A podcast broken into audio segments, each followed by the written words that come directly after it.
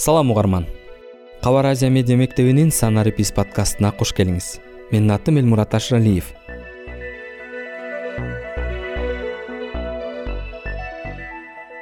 эмне үчүн медиа сабаттуу болушубуз керек?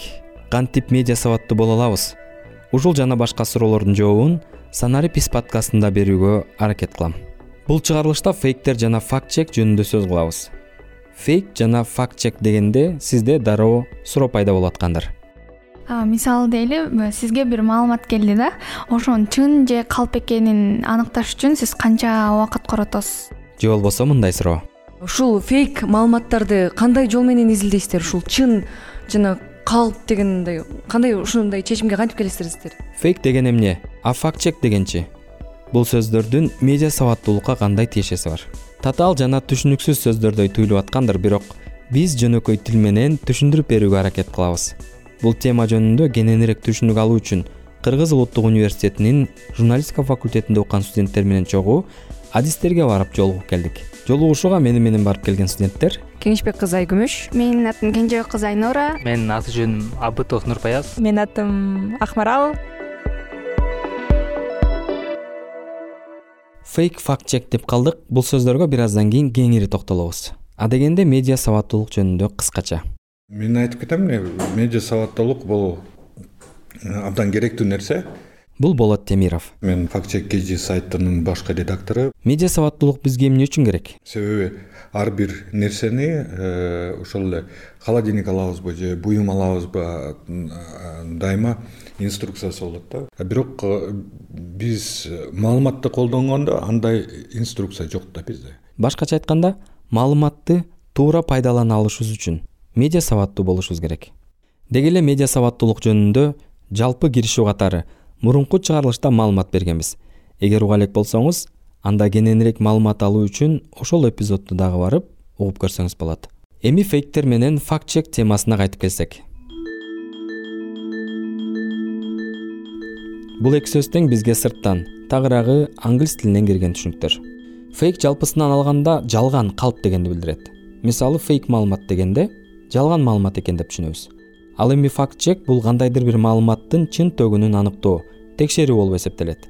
Кыргызстанда дал ушул факт чек багытында биринчилерден болуп факт чек чекит kg деген сайт эки миң он сегизинчи жылы ачылган эле. Ошондон бери маалыматтарды текшерип бул чын бул чын эмес же болбосо далил жок деп ачыкка чыгарып макала жазып жүрөбүз негизи факт чекинг бул маалыматты текшерүү бул медиа сабаттуулуктун бир бөлүмү болот.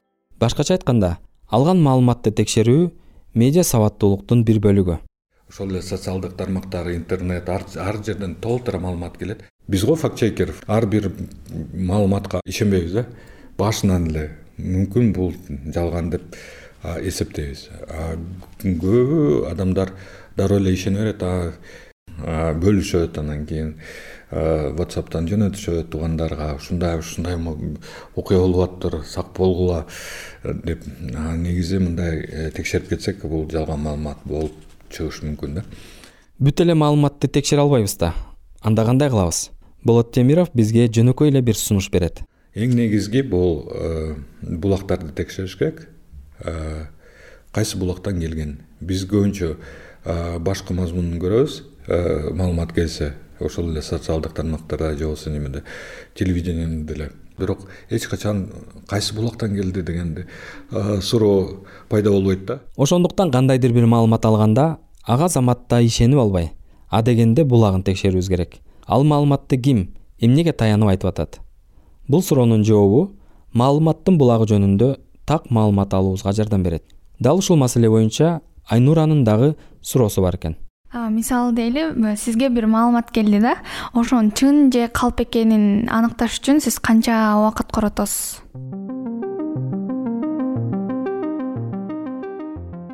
Он секунддан баштап жарым жылга чейин. Кээ бир кээ бир маалыматтар э, жылдап жылдап текшер иликтеп жүрөм. Эки жылдан бери.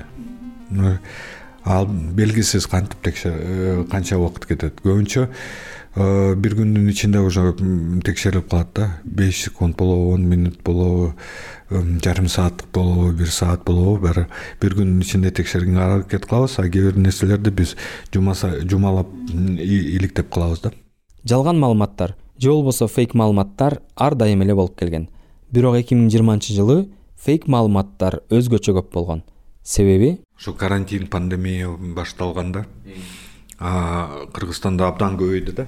Бизде сайтта мындай иликтөөлөр факт чектер маалымат текшерүүлөр үч эсе төрт эсе көбөйдү. Себеби андай фейктер э, көп жайнап кетти да. Элдер дагы үйдө отуруп иштебей интернетте отургандан кийин маалымат издей баштады. Анан кийин расмий түрдө маалымат таба албай алар башка булактарга кайрыла баштады даже немеге чейин ишенип калышты? Инопланетяндар караколго учуп келди деген нерселерге ишене баштады да. Карантин учурунда беш ж антенналарына коронавирустун жугуу жолдоруна байланыштуу такталбаган фейк маалыматтар көп тараган. Беш ж боюнча неме бельгияда өлгөн э, чымчыктар англияда өлгөн деп. Анан кийин иликтеп чыкса алар э, жылда эле ушинтип ошол чымчыктардын өздөрүнүн өзгөчөлүгү бар экен топ менен учат экен. Анан кийин топ кайрылып кетсе кээ бир чымчыктар кайрылганга жетишпей жерге сүзүп алат экен да. Анан ошолордун сүрөттөрүн чыгарып алып ушу жанында антенналар бар болчу ошон үчүн өлүп атышат деп чыгара баштады андан сырткары баягындай вирусту таркатып э, трактор менен сеип атышат деп э, чыгарышкан аны дагы текшерип чыгып кыргызстанда эмес казакстанда болуп казакстанда дарактарга жылда эле э, дары себет экен паразиттерге каршы ошону дагы жокко чыгарган самолет аркылуу вирусту таркатып атат вертолет аркылуу.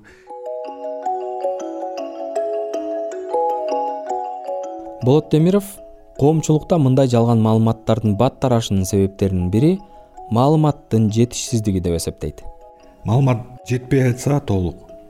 Ошондо гана фейктерге ишене баштайт да. Ошол эле мамлекет бир маалыматтарды жашырып ар кандай болсо элдер башка маалымат булактарды издей баштап мындай фантастический э, маалыматтарга ишене баштайт да. Кыскача тыныгуудан кийин фейктердин түрлөрү жөнүндө сөзүбүздү улантабыз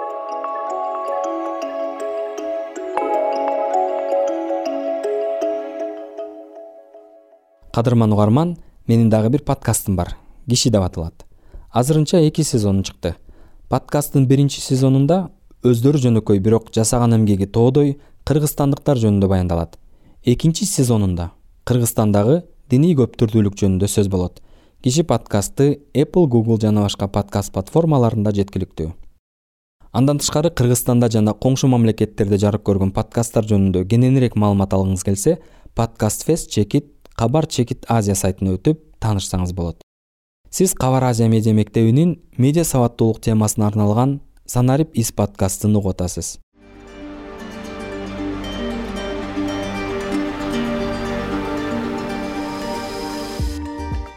бул чыгарылышта биз фейктер жөнүндө сөз кылып атабыз. Фейктер демекчи алардын бир нече түрлөрү болот. Мисалы ошол эле дип фейк деп коет аны видеого ошол эле саясатчы же белгилүү адам сүйлөп атат. Бирок ал аны сүйлөгөн жок да. Ошо технология ошончого жетти бир башка адамдын өңү түсүн видеого чыгарып туруп башка сөздөрдү сүйлөй туруп коюшу мүмкүн да. Мурда өзүңдүн кулагыңа жана көзүңө эле ишен деп айтып келген болсок азыркы жашоодо бул сөздүн мааниси бир аз күчүн жоготкондой себеби? сүрөттөрдү деле фотомонтаж кылып коюшат же болбосо сүрөттү чыгарып туруп башка мүнөздөмө коюп койсо башка мамлекетте болгон окуяны же болбосо ушул кыргызстанда болду бүгүн болду деген мүнөздөмө жазып койсо бул деле жалган болуп чыгат бирок сен өзүң көзүң менен көрүп атасың да. Ошол эле сүрөттү карасаң кыргызстанга окшош эле үйлөр кыргызга окшош эле адамдар сүрөттө. Анан кийин ойлойсуң а ооба бул бирок сүрөт аркылуу беш секундда эле таба аласың да бул сүрөт кайсы сайттарда качан колдонгон? Ошол эле сүрөт мүмкүн э, башка мамлекетте э, болгон окуянын сүрөтү фейктердин дагы бир түрү бар зомби фейктер ал мамлекеттен мамлекетке э, жылдан жылга кайталана берген жалган маалымат. Мисалы ошол эле фейсбук же болбосо сага жөнөтөт да бир жыл мурда ушундай окуя болгон деп. Анан кийин көбүнчө адамдар маалыматтын кайсы жылы чыкканын көрбөйт да. Мисалы жылдан жылга кээ бир маалыматтарды кайра кайра эле тарката беришет да. Мисалы бир маалыматты көрдүңөр биринчи карагыла кайсы күнү кайсы жылы бул маалымат жазылган макала.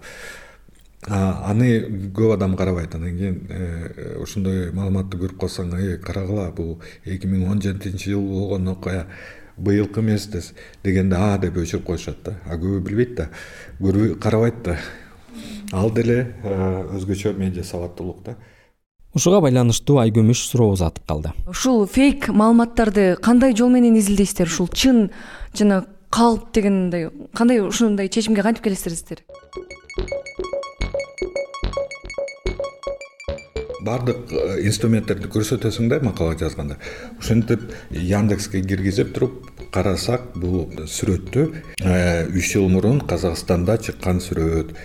Ал сүрөт боюнча иш козголгон мына чечими казакстан районунун сайтында турат мына деп. Ар бир адам э, макаланы окуган ошо журналист иликтеп тапкан жолун кайталай алат да аркасынан сайтка кирип соттун сайтына кирип чечимди көрүп. Ошентип биз факт факт боюнча ачык маалымат боюнча биз далилдеп беребиз да. Болот темировдун айтымында кыргызстанда жалган маалымат көп тараткандар булар саясатчылар. Алар көбүн эсе шайлоого карата үгүт иштери жүрүп атканда өздөрүн жакшы жактан көрсөтүп жарнамалоо максатында жалган маалыматтарды көп таратышат. Анан кийин факт чекерлер текшере баштады чын эле айтып атабы бул жалган айтып атабы. Мындай караса жалган экен анан кийин уже өзү саясатчылар өзүнүн сөздөрүнө көңүлү бура баштады да. Себеби жалган маалымат э, айтып э, элге э, жагыш оңой да. Чындык айткандар бир аз артта калышы мүмкүн да анан ошондой багыт пайда болуп азыр болсо кыргызстанда дагы бар көп саясатчылардын жалганын биз ачыкка чыгарганбыз. Фейк маалыматтар бизге ар жактан келет. Кээде күтүлбөгөн жерден чыга калат. Ушунчалык кызыктырат жана азгарат. Андай учурларда эмне кылыш керек болот? Мисалы ак маралдын суроосуна кулак салып көрөлү дагы бир э, жалган маалыматтар мисалы үчүн адидас ойнотот анан фрунзе ойнотот анан дагы kfc ойнотот атпайбы. А вот ошо ссылка өтсөң сага эч кандай деле зыяны жоктой сезилет да пайдасы да жоктой сезилет зыяны да жоктой сезилет да алардын көздөгөн максаты кандай ошону билгим келет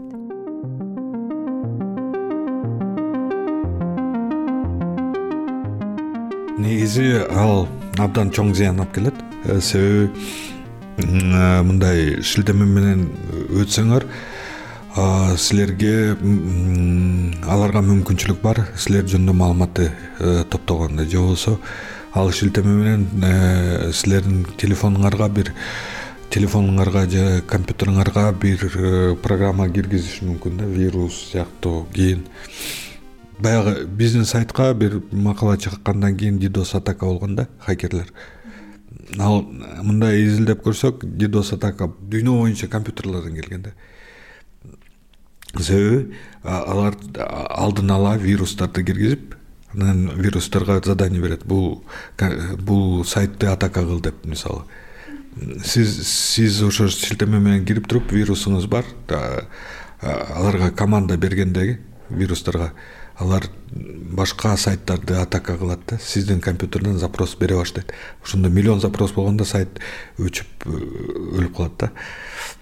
Сиз ошентип хакерлердин э, э, кызыкчылыгын көздөп сиздин аппаратыңыз иштеп калышы мүмкүн да.